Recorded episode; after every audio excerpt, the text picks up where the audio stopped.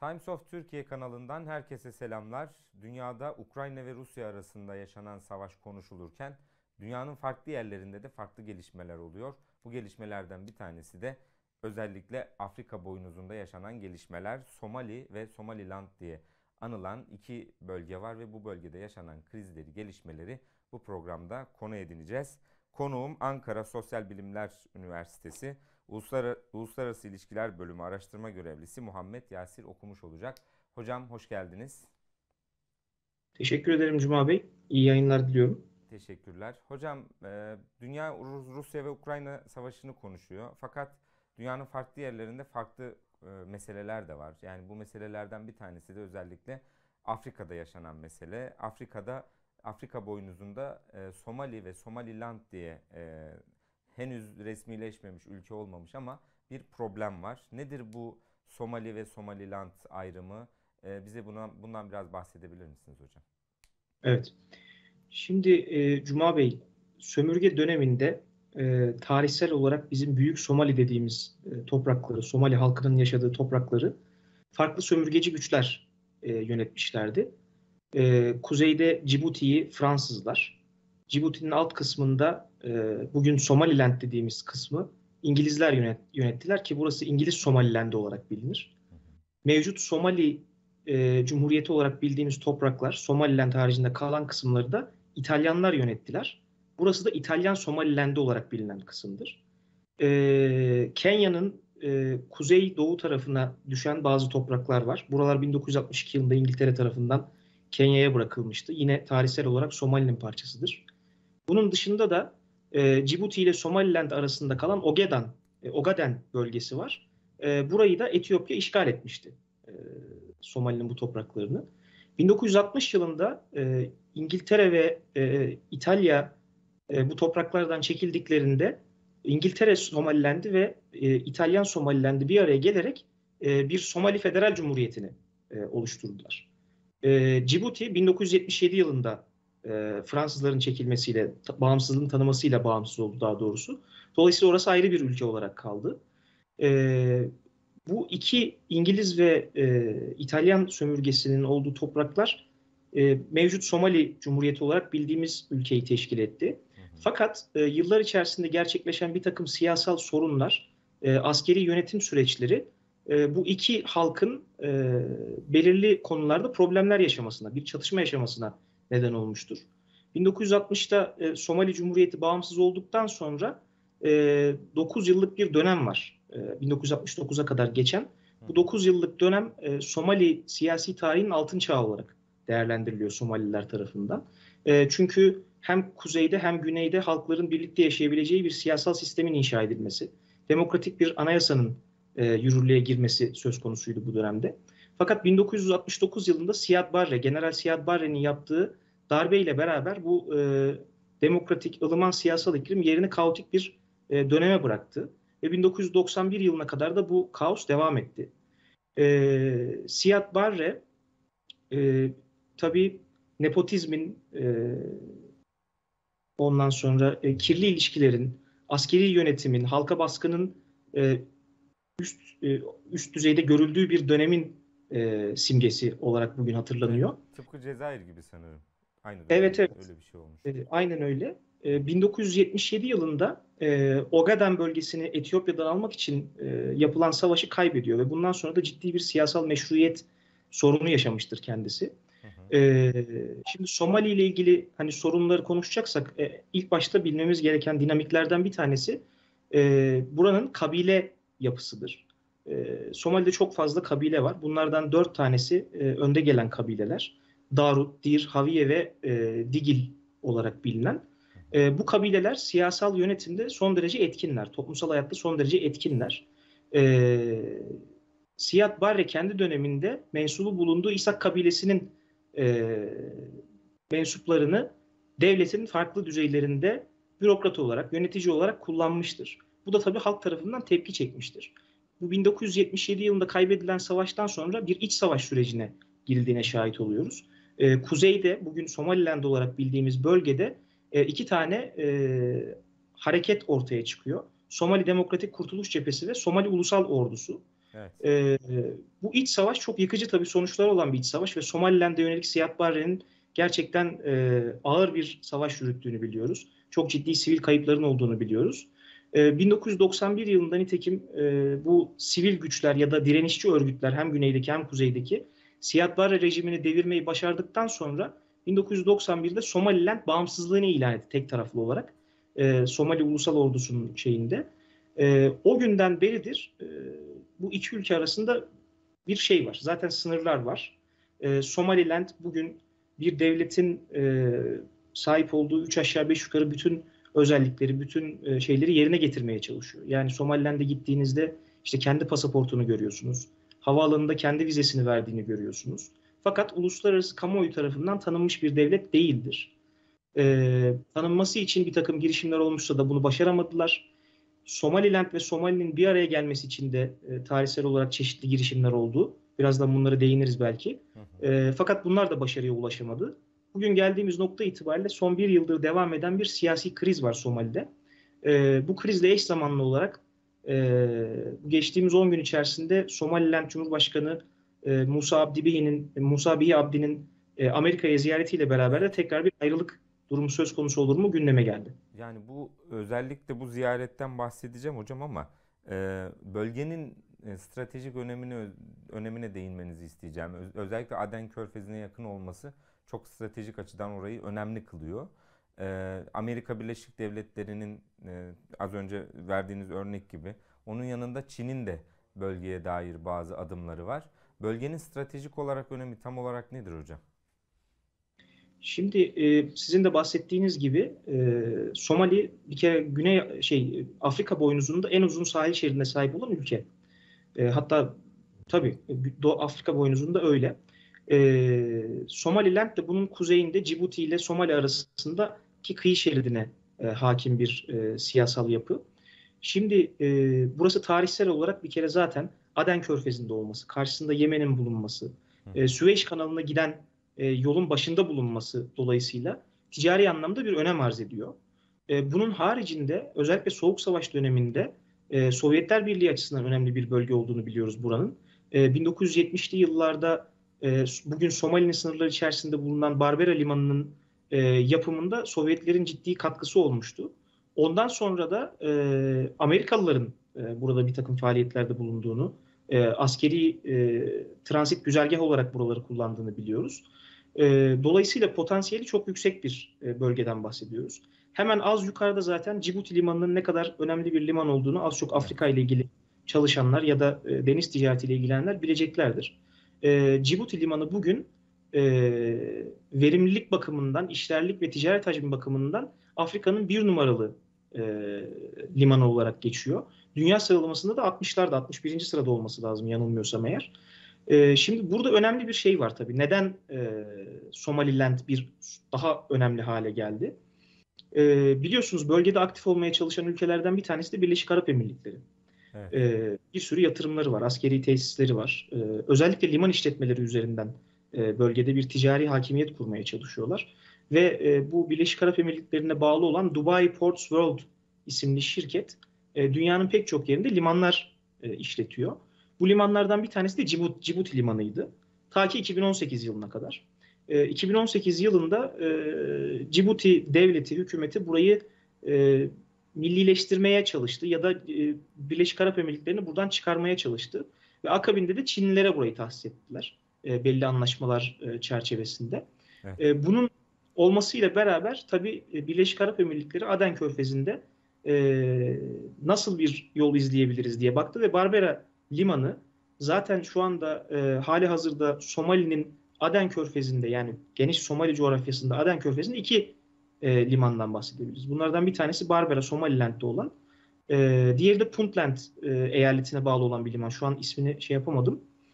E, burayı, burası bir de tabii şöyle bir önemi var. E, Mogadishu limanı ile beraber düşündüğünüz zaman Somali'nin tamamına yayılan bir karayolu hattına sahip olan bir liman. E, dolayısıyla burayı e, işletmeye aldı. 442 mil, milyon dolar olması lazım yanlış hatırlamıyorsam. Böyle bir rakam karşısında. İkinci bir Cibuti olma potansiyeli taşıyor e, Barbera Limanı. Bu Bunun açıdan, haricinde tabii. son olarak şunu söyleyeyim. Buyurun. Ee, şimdi birazdan belki yine o Amerika ziyareti bağlamında konuşacağız ama Hı hı. e, şu tarz e, öneriler mesela geliyor. Özellikle Amerika'daki bazı düşünce kuruluşlarından. E, işte Somaliland'in bağımsız bir ülke olarak tanınması, e, Çin'in burada egemenlik kurmasının engellenmesi, mümkünse Somaliland'in Kızıldeniz e, Konseyi'ne üye yapılarak buradan bir gelir elde etmesi, hatta bir donanma kurmasına destek olunması, bu vesileyle de buradaki stratejik e, öneme sahip, jeostratejik öneme sahip bölgenin e, tırnak içerisinde Batı'nın e, kontrolünde ya da yanında olması gerektiğine dair bir takım önermeler de var. Evet. Hocam e, Amerika Birleşik Devletleri'ne yapılan ziyaret bunun yanında Çin'in özellikle Somali'ye, e, Somaliland'de Amerika'nın aktifleşmesi daha orada bu ziyarete belki karşılık olarak Çin'in de özellikle o, o bölgede e, çeşitli adımları var. E, bir tarafta Çin, bir tarafta yine Amerika Birleşik Devletleri yani ticari limanlar söz konusu olunca aslında şaşırtıcı bir tablo yok. Ama burada nasıl bir senaryo siz görüyorsunuz? Bu ziyareti neye bağlıyorsunuz? Amerika Birleşik Devletleri yakında Somaliland'i bir e, bağımsız devlet olarak kabul eder mi sizce? Şimdi şöyle, e, aslında fiili ilişkilere baktığımız zaman e, pek çok devletin Somaliland ile ilişki kurduğunu görüyoruz. Yani resmen bir bağımsız devlet olarak tanımasa da e, konsolosluklar vasıtasıyla, farklı devlet kurumları vasıtasıyla e, işte İngiltere olsun, e, Amerika olsun, Türkiye, Dubai benzer şey, e, Birleşik Arap Emirlikleri benzer şekilde. Bunların hepsi fiilen zaten Somaliland'i tanıyorlar. Yani bugün bir siz Türk vatandaşı olarak gittiğiniz zaman oraya e, işte bahsettiğim gibi yani havalimanında onların vizesini almak durumundasınız. E, böyle bir durum söz konusu. E, Somaliland'in tabii Somalilandli siyasetçilerin ve Somaliland halkının temel e, problemi yani bu kadar ilişkinin olmasına rağmen resmen neden tanınmıyoruz e, sorusunu soruyorlar tabii doğal olarak. Şu anda da içinde bulunduk Somali'nin içinde bulunduğu bu e, karmaşık siyasal e, gündem içerisinde e, belki bir açılım olabilir mi acaba diye dönem dönem bu tarz şeylerin denendiğini biliyoruz çünkü. Hı hı. E, Musa Bihi, e, Cumhurbaşkanı, Somaliland Cumhurbaşkanı 10 günlük bir ziyaret gerçekleştirdi Amerika'ya. Şimdi tabii Amerika, e, ben biraz e, şeyi ziyareti takip etmeye çalıştım.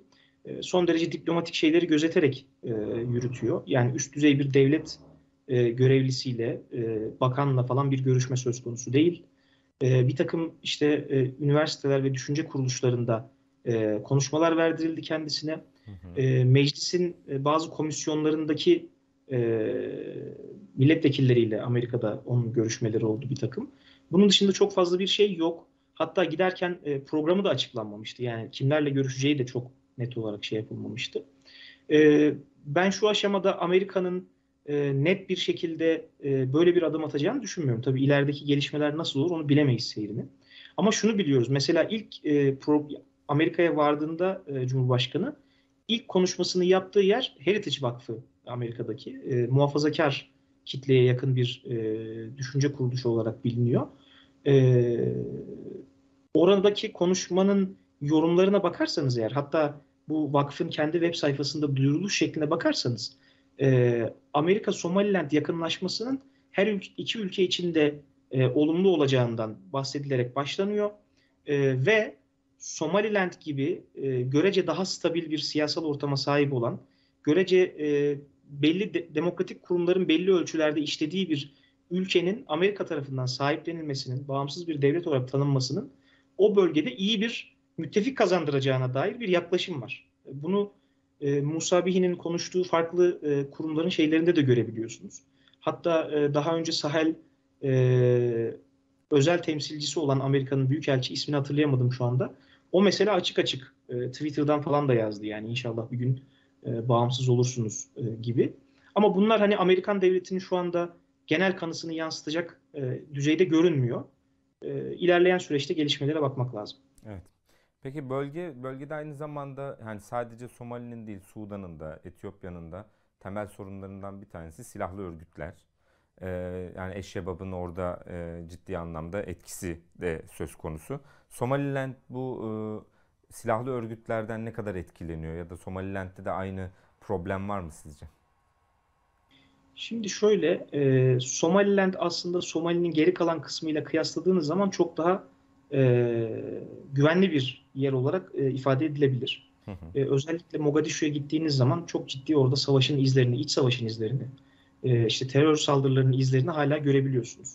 Hemen hemen her gün bir saldırı oluyor. Özellikle şu seçim, Cumhurbaşkanlığı seçimleri yaklaştıkça o şey devam ediyor görüyorsunuz. Takip edebildiğimiz kadarıyla. Ama Somaliland bu anlamda daha güvenli bir yer. Yani çok rahatlıkla e, bir sivilin dışarıya çıkıp gezebileceği, dolaşabileceği şeye sahip. Sadece dönemsel olarak e, doğusunda bulunan Puntland e, özerk bir eyalettir o da. Şeye bağlı, Somali'ye bağlı. Puntland'le bazı sınır anlaşmazlıklarının olduğunu biliyoruz. E, iki tarafın e, silahlı kuvvetleri e, ara ara karşıya karşı karşıya geliyorlar. E, ama daha güvenli bir bölge olduğunu söyleyebiliriz. Şebap eylemlerinden de daha az nasibini aldığını söyleyebiliriz. Yani Şebap daha ziyade güneyde faaliyetlerini sürdürüyor. E, tabii şöyle bir şey var. Yani e, Somaliland'in sınırlarında diyebileceğimiz bir bölgede işte Tigray krizi e, patlak verdi. E, şimdi bunun e, hem yani bir mülteci krizi genel itibariyle bunlar Eritre'ye ve Sudan'a yöneldiler. Güney'e inmediler ama daha ziyade bir e, güvenlik problemi e, hem Somaliland için hem de Somali için yarattığını söyleyebiliriz. Çünkü Somali'de 2000'li yılların ortalarından itibaren Afrika Birliği'ne bağlı e, Somali misyonu görev yapıyor. Bunun içerisindeki en büyük itici güç de e, Etiyopya e, ordusu. E, bu Tigray krizi çıktığı zaman Somali gündeminde tartışılan şeylerden bir tanesi Etiyopya'nın bu kriz dolayısıyla e, Somali'de bulunan askerlerini geri çekip çekmeyeceği meselesiydi. Çünkü Etiyopya buradaki askerlerini geri çekerse e, Somali misyonunun kurduğu güvenlik yapısının e, ciddi tehlikeye uğrayacağı, çökeceği düşünülüyordu. E, kısmi olarak da yaptı bunu Etiyopya. Yani 600 civarında sanıyorum ilk etapta bir askerini geri çekti. Bu tabii Somali'de tekrar bir iç kargaşanın çıkması, iç savaşa ne kadar dönüşür bilemiyoruz ama e, istikrarın e, korunamaması noktasında bir önem arz ediyor. E, bölgesel gelişmelerden tabii ki bağımsız değerlendiremeyiz. Ama Somali'nin geri kalanına göre değerlendirdiğimiz zaman Somali'nin daha güvenli, daha istikrarlı olduğunu söyleyebiliriz. Evet. Son olarak hocam Türkiye'nin buradaki pozisyonunu merak ediyorum. Özellikle Türk dış politikası bir dönem e, yani Somali'ye karşı e, insani yardımlarla ve her zaman e, Somali ile ilgili bir gündemimiz olmuştur. Bu konuyla alakalı Türkiye'nin yaklaşımı nasıl sizce? Evet. Şimdi e, Cuma Bey, Türkiye'nin 2000'li yıllardan itibaren yani 98'de başlayan bir Afrika açılımı var zaten. Afrika'ya bir yönelme söz konusu. Ama 2005'ten itibaren bu daha da yoğunlaştı. O açılım politikası e, dönüşüme uğradı. Stratejik ortaklığa kadar evrildi. Hı hı. E, bununla beraber Türkiye'nin 2000'li yıllarda özellikle işte 2008'den sonraki dönemde e, özellikle altını çizdiği bir e, uluslararası misyonu var. Bu da e, barış inşası ve uyuşmazlıkların çözümü meselesi. Bu bağlamda Türkiye Dışişleri Bakanlığı üzerinden e, pek çok uluslararası örgüt içerisinde işte dostluk grupları oluşturdu, çalışma grupları oluşturdu. Finlandiya ile Norveç ile e, diğer ülkelerle beraber Birleşmiş Milletler, Avrupa Güvenlik İşbirliği Teşkilatı, İslam İşbirliği Teşkilatı gibi büyük kurumların bünyesinde oluşturuldu. Ve pek çok siyasi kriz ve e, uyuşmazlık e, olduğu zaman da e, devreye girdi. Yani işte e, İran nükleer krizinde bunu gördük. Filipinler'deki e, çözüm sürecinde bunu gördük. Ukrayna'da bugün e, görüyoruz. Ondan sonra Orta Doğu'da benzer şekilde e, bunları gördük. İsrail, e, İran e, şeylerinde falan. E, dolayısıyla bu Türkiye'nin dış politikasında son 20 yıldır önemli bir mesele. Barış inşası. Şimdi e, başka neler var önemli? Somali Somaliland meselesi özelinde. Birincisi Afrika ile stratejik ortaklık ve e, Türkiye'nin e, Somali politikasının Afrika'ya açılım anlamında önem arz etmesi meselesi var.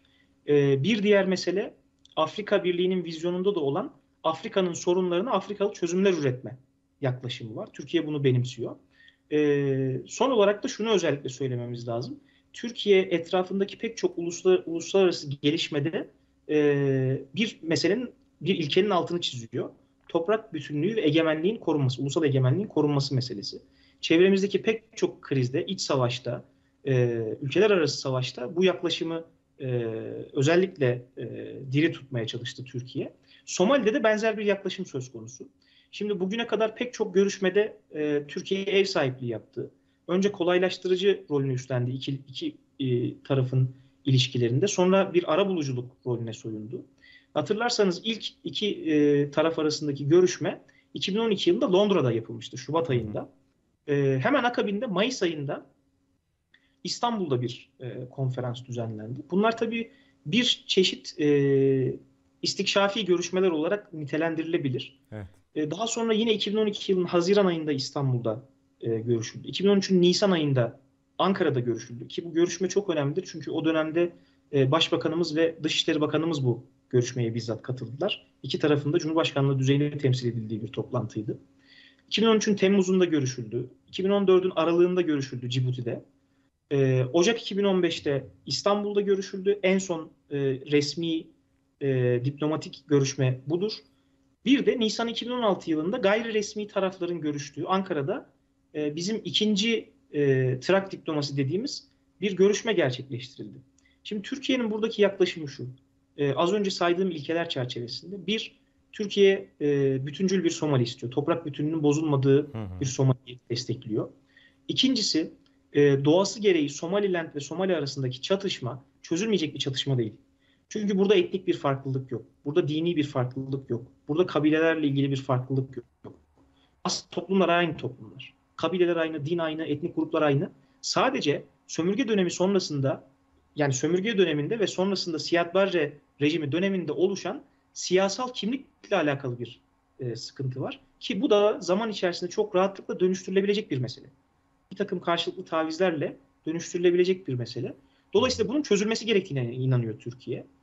Ee, şöyle bir mesele var. Yaklaşımındaki özgünlük ne Türkiye'nin? Çünkü pek çok ülke iki tarafı barıştırmak üzere girişimlerde bulundu. Amerika var, Etiyopya var, işte Cibuti var, Birleşik Arap Emirlikleri var.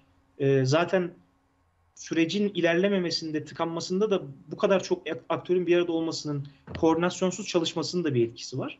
Türkiye'yi bunlardan ayıran şey şu. Türkiye sorunun çözülebileceğini düşünüyor ve bunu yapmak için sadece resmi, tepeden inme bir yaklaşım benimsemiyor. Resmi diplomasiyi benimsemiyor.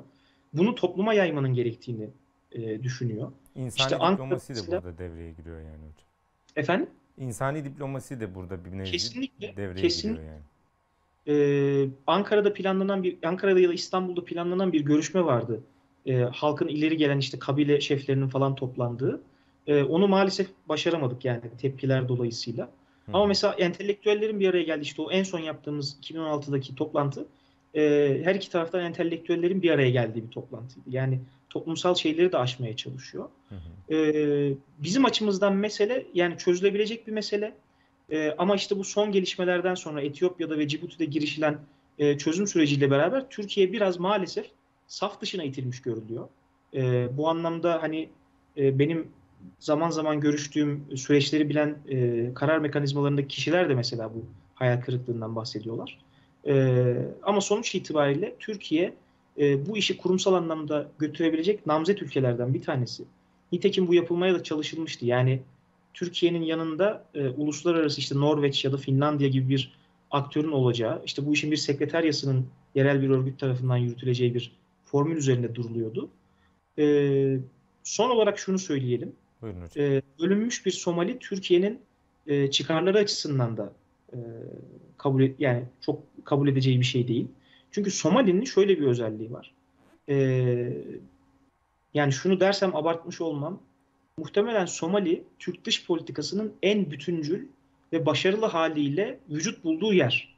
Evet. E, Türkiye'nin Dışişleri Bakanlığı, işte Marif Vakfı, TİKA'sı, Yurtdışı Türkler ve Akraba Topluluklar Başkanlığı, özel sektörü, sivil toplum örgütleriyle beraber var olduğu, koordineli çalıştığı ve Afrika e, Afrika için bizim aynamız konumunda olan bir yer. Dolayısıyla Somali'nin istikrara kavuşması, e, toprak bütünlüğünün korunması Türkiye'nin hem bu imajı açısından önemli hem de oraya yaptığı yatırımların karşılığını alması açısından önemli e, diyor. Evet. Hocam çok teşekkür ediyorum kıymetli bilgileriniz için. Yayınımıza renk kattınız. Çok sağ olun. Ee, inşallah başka bir yayında yine görüşmek dileğiyle hocam. Çok sağ olun. Ben teşekkür ediyorum. Sağ olun Cuma Bey. Evet. Ankara Sosyal Bilimler Üniversitesi Uluslararası İlişkiler Bölümü araştırma görevlisi Muhammed Yasir Okumuş'la beraberdik. Somali'yi konuştuk. Somali'de yaşanan Somaliland bir taraftan da bir problem var ve bu problem nasıl çözülür? Tarihinde neler vardı?